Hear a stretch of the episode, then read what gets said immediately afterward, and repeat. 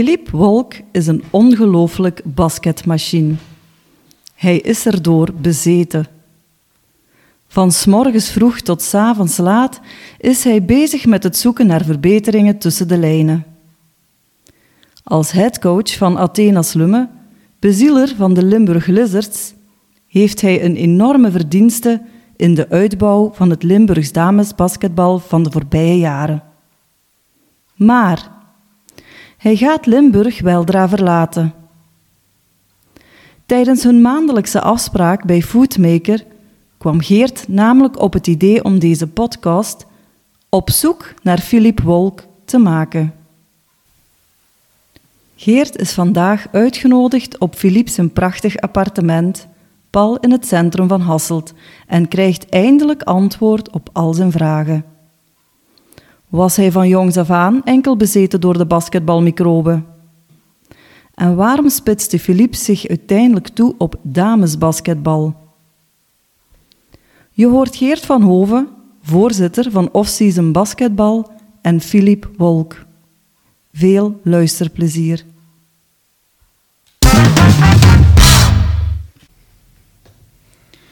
Filip, eerst en vooral van harte proficiat met uw transfer. Dankjewel, dankjewel. Wat houdt die uitdaging precies in? Ja, dus ik uh, vertrek volgend seizoen naar uh, Phantoms Boom, waar ik de coach ga zijn van uh, het A-ploeg damesteam in een top division women, dus de allerhoogste reeks. En tegelijkertijd zal ik daar de jeugdcoördinatie op me nemen van de hogeringe meisjes. En zal ik er ook een, een jeugdploeg coachen, een jeugdteam meisjes.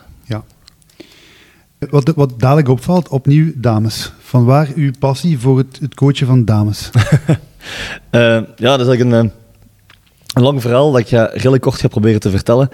Uh, toen ik uh, ben heel jong beginnen coachen, toen ik 16 was. En na een aantal jaren als coach kwam ik terecht op, een, op de Frostkampen, waar Bart Wouters en Jos Sielen me voor hadden uitgenodigd. Ik was ongelooflijk fier toen dat ik daar mocht coachen. Ik heb toch heel veel bijgeleerd. En op zo'n intern kamp waren er twee meisjes aanwezig. En die meisjes speelden op landelijk niveau toen bij Lumme. En ik was zo impressed over die hun werkethiek en hoe die wouden trainen en hoe ze ervoor gingen.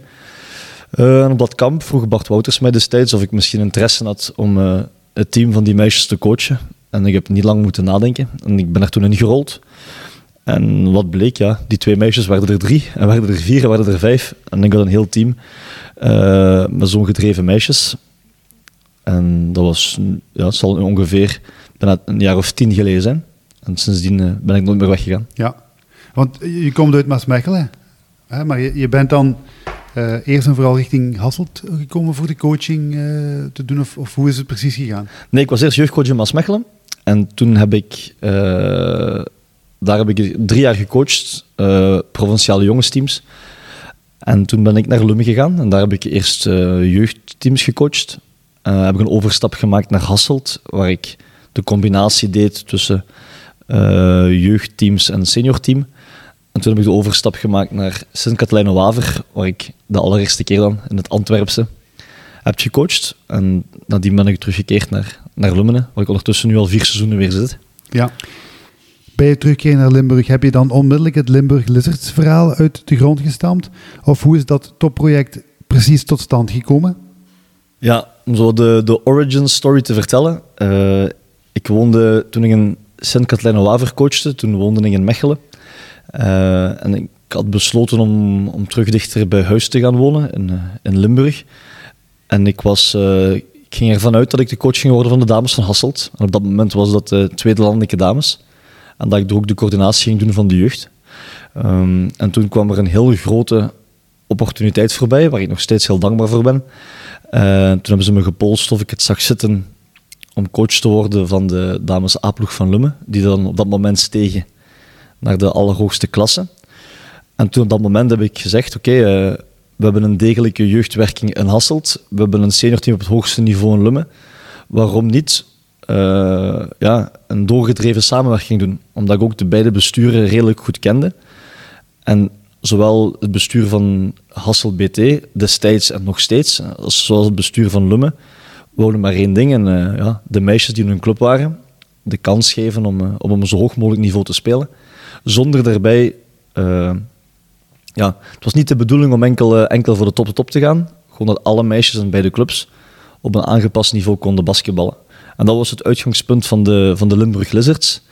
Dat we op dat moment, en dat is nu vijf jaar geleden, dat we elk meisje dat bij ons basket, vanaf de leeftijd van 12 jaar, op een, op een maatgemaakt niveau konden laten spelen. Want soms heb je landelijke teams waar uh, ja, nummer 7, 8, 9, 10 misschien eerder provinciale spelers of speelsters zijn. En andersom ook, waar je een provinciale teams, waar de betere misschien op landelijk niveau zich beter kon ontwikkelen. Dus door de schaal te vergroten, kon ervoor zorgen dat iedereen op, uh, op zijn of haar niveau kon, uh, kon basketten. Ja, je spreekt nu over twee teams, maar uh, intussen zijn het er meer teams zelfs die in het project gestapt zijn. Ja, dus na een jaar is de club Miners Beringen erbij gekomen. Ook vanuit hetzelfde uitgangspunt. een bestuur en een coördinator Mario Hendricks die heel erg geloofden in het meisjesbasketbal. Die verschillende meisjes hadden zitten in verschillende categorieën.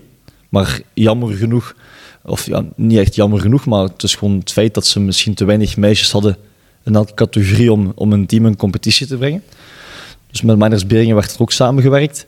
Ehm, en er was nog, stonden nog clubs, op til, of nog steeds, om, eh, om in het verhaal te stappen. Omdat iedereen wel merkt dat het huidige klimaat dat samenwerken dat dat heel erg loont. Ehm, ja, en, en, door, door, het, door het samenwerken slaag je er gewoon in om, om heel veel personen, speelsters, coaches, bestuursleden, die allemaal met dezelfde ambitie, die kan samenbrengen. Je hebt degenen die basketbal willen doen op een meer recreatief niveau, zowel speelsters als coaches. En wel, die kan je een uitdaging bieden op maat.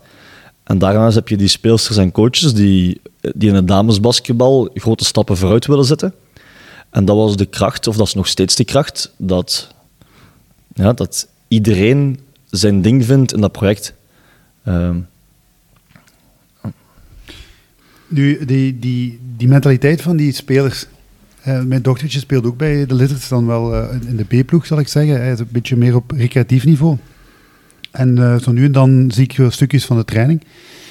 Wat mij geweldig opvalt, en ik denk mij niet alleen, is de, is de geweldige motivatie en plichtbewustheid van de spelers. Ik zie ze voor de training, zie ik ze al oefeningen doen.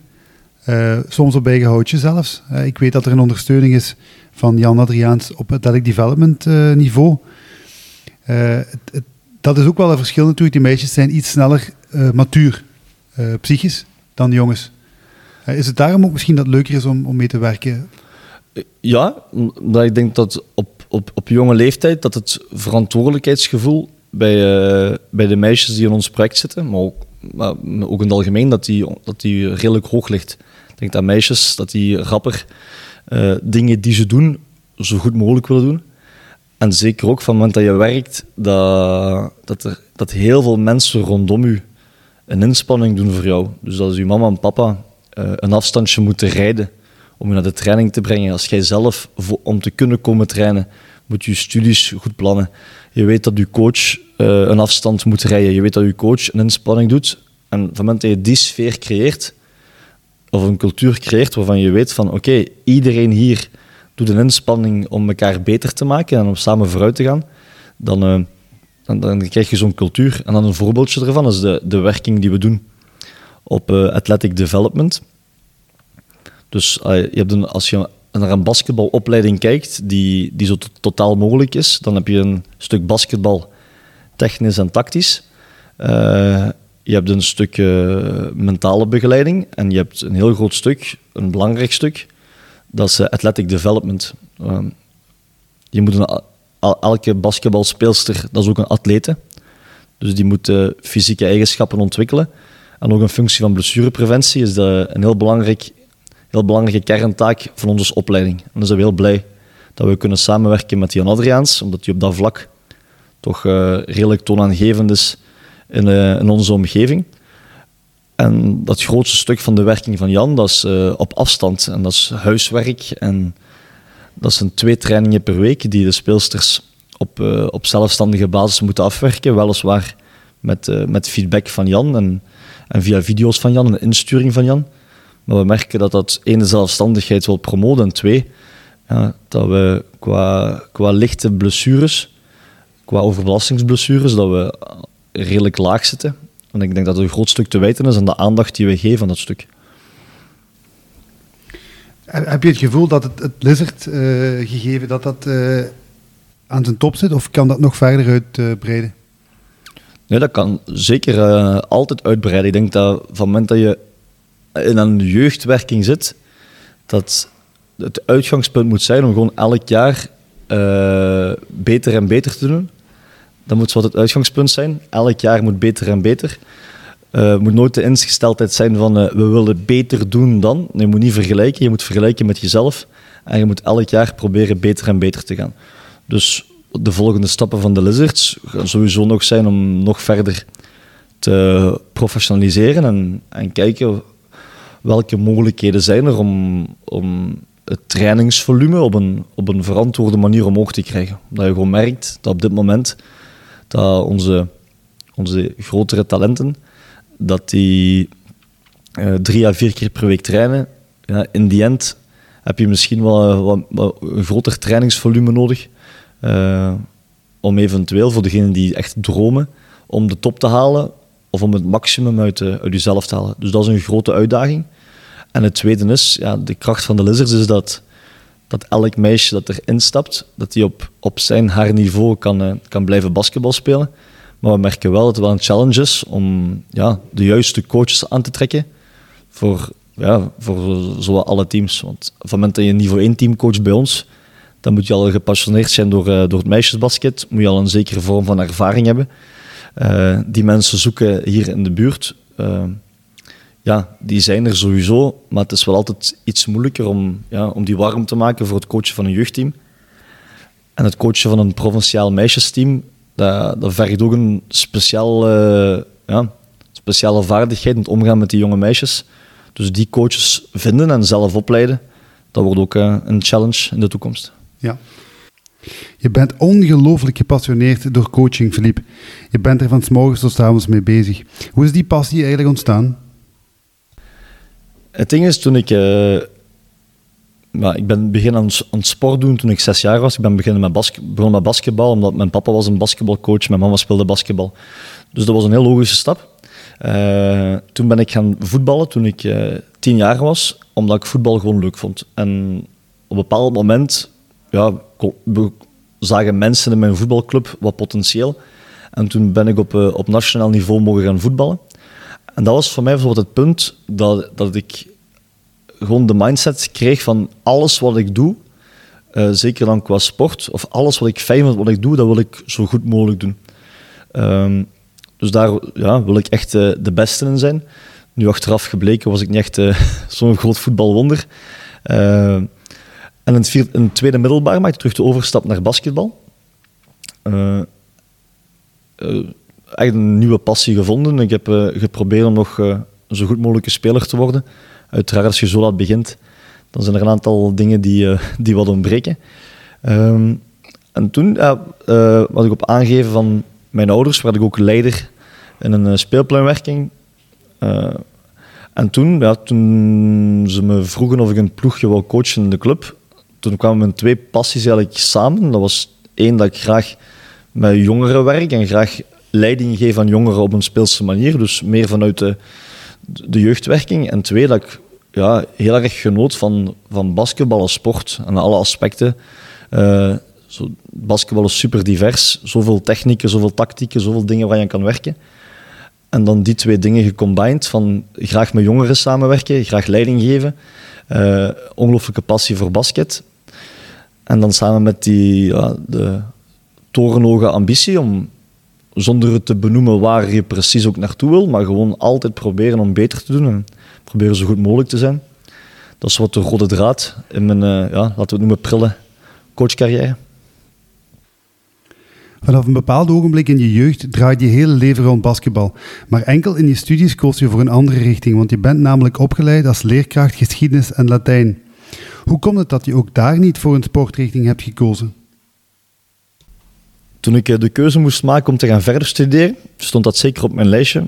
Maar ik was nogal redelijk kortzichtig en ik, en ik dacht, ja, ik, eh, van het moment dat ik een, eh, een rat moet doen of een handenstand, dan eh, beland ik op de spoed. En brug ongelijke leggers, da- dan ben ik zeker dood. En als ik moet gaan zwemmen, dan verdrink ik. Dus ik dacht, ja, dat, dat sportieve leuk. Ik ben wel goed in wat teamsporten of ik had wel aanleg voor balsporten. Maar dat was zeker eh, niets voor mij. Nu, tien jaar later, nu ik wat beter weet wat die opleiding precies inhoudt, eh, naar theoretische vakken, was dat misschien wel iets voor mij geweest. Maar ik, eh, ja, ik wou graag iets doen met jongeren, dus ik ben in het onderwijs dan beland. En ik vind het ook altijd heel belangrijk dat op het moment dat je een passie hebt, zoals basketbal, dat je ook wel iets ernaast hebt waarin je ook energie kan halen of waarin je ook kan ontspannen. En bij mij is het dan geschiedenis, dus ik ben heel erg wel geïnteresseerd in, in vroeger. Dus toen heb ik eh, gestudeerd voor leerkracht. Geschiedenis en Latijn. Nee, Ooit gedaan? Ooit voor de klas gestaan in die vakken? ik heb eh, ooit anderhalf jaar eh, Latijn gegeven op de school van Lukaku in Anderlecht. Dat was een school die samenwerkte met, met de voetbalclub Anderlecht, zo'n Purple Heart school. En dat heb ik gecombineerd toen met de topsportschool. En dat waren hele fijne tijden. Maar toen kreeg ik de kans om, om meer uren training te geven op de topsportschool. En toen ben ik daarvoor gegaan. En nu de laatste vier jaar is mijn fulltime bezigheid is, eh, is basketbal. Ja. Ja. Bij Athena Lummen namen de voorbije jaren enkele sterkhouders als Jolien Wouters, Miete Celus en Cynthia Smeets afscheid. Je moest noodgedwongen terugvallen op de jeugd. Verrassend genoeg liep het vrij goed dit jaar. Ja, op dit moment hebben we vier wedstrijden gewonnen. En, en we kunnen over ons spelniveau, over de hele lijn, kunnen we redelijk tevreden zijn. En ik denk dat het vooral eh, te, te maken heeft, of te wijten aan, is dat de, die boodschap van er zijn er een aantal vertrokken, dus wat nu? Of eh, wij zijn jong, dus die is nooit gekomen. Gewoon, we hebben onze kern en eh, we gaan aan de slag we gaan beter worden en we gaan proberen wedstrijden te winnen, zoals we altijd doen. Maar er is nooit in de spelersgroep of ook in de bestuurskamer is er zeer weinig van eh, ja, zorg uitgesproken van wat nu. We weten dat we kwaliteit hebben eh, verloren, zeer zeker. Maar we weten ook dat er kwaliteit terug klaar staat. En daar, eh, daar gaan we mee aan de slag. En we hebben al zeer goede wedstrijden gespeeld. Wedstrijden die we gewonnen hebben, die we verloren hebben. En we hebben een aantal wedstrijden gespeeld waar het wat minder ging. Maar nu hebben we een tweede competitiehelft waar we ja, nog steeds in de running zijn voor een playoff plaats. Eh, dus we gaan er sowieso alles aan doen om samen met die groep om, eh, om proberen om die playoff plaats te halen. En dan hebben we op die manier hebben we vier jaar Lummen gehad in Eerste Nationale met vier jaar een playoff ticket. Dus dat zou mooi zijn om, eh, om zo te eindigen. Zijn er nog spelers, speelsters in Lummen waar je dan denkt van die, die kunnen nog doorgroeien? Heb je dat dit jaar extra gezien doordat die een kans moesten krijgen? Denk, dat is nu het allerleukste wat er is, denk ik. Dat voor iedereen duidelijk is dat niemand hier die nu bij ons basket, dat die aan zijn plafond zit. En dat is heel positief voor de meisjes die er nu zijn. En dat is heel positief ook voor de club. Dus dat je weet dat, eh, ja, dat iedereen nog zo aan het begin zit van, eh, van ha- ha- haar basketballoopbaan. We hebben zeer veel jonge twintigers. Eh, we hebben onze starting five, twee meisjes die nog geen 18 jaar zijn ja, dat is, dat is, eh, naar de toekomst toe opent dat heel veel perspectieven. Ehm, Bedankt Philippe voor deze, zoals altijd, heel gezellige babbel. Veel succes nog dit jaar bij Athena's Lummen en de Lizards. En natuurlijk ook volgend jaar tijdens je nieuwe challenge.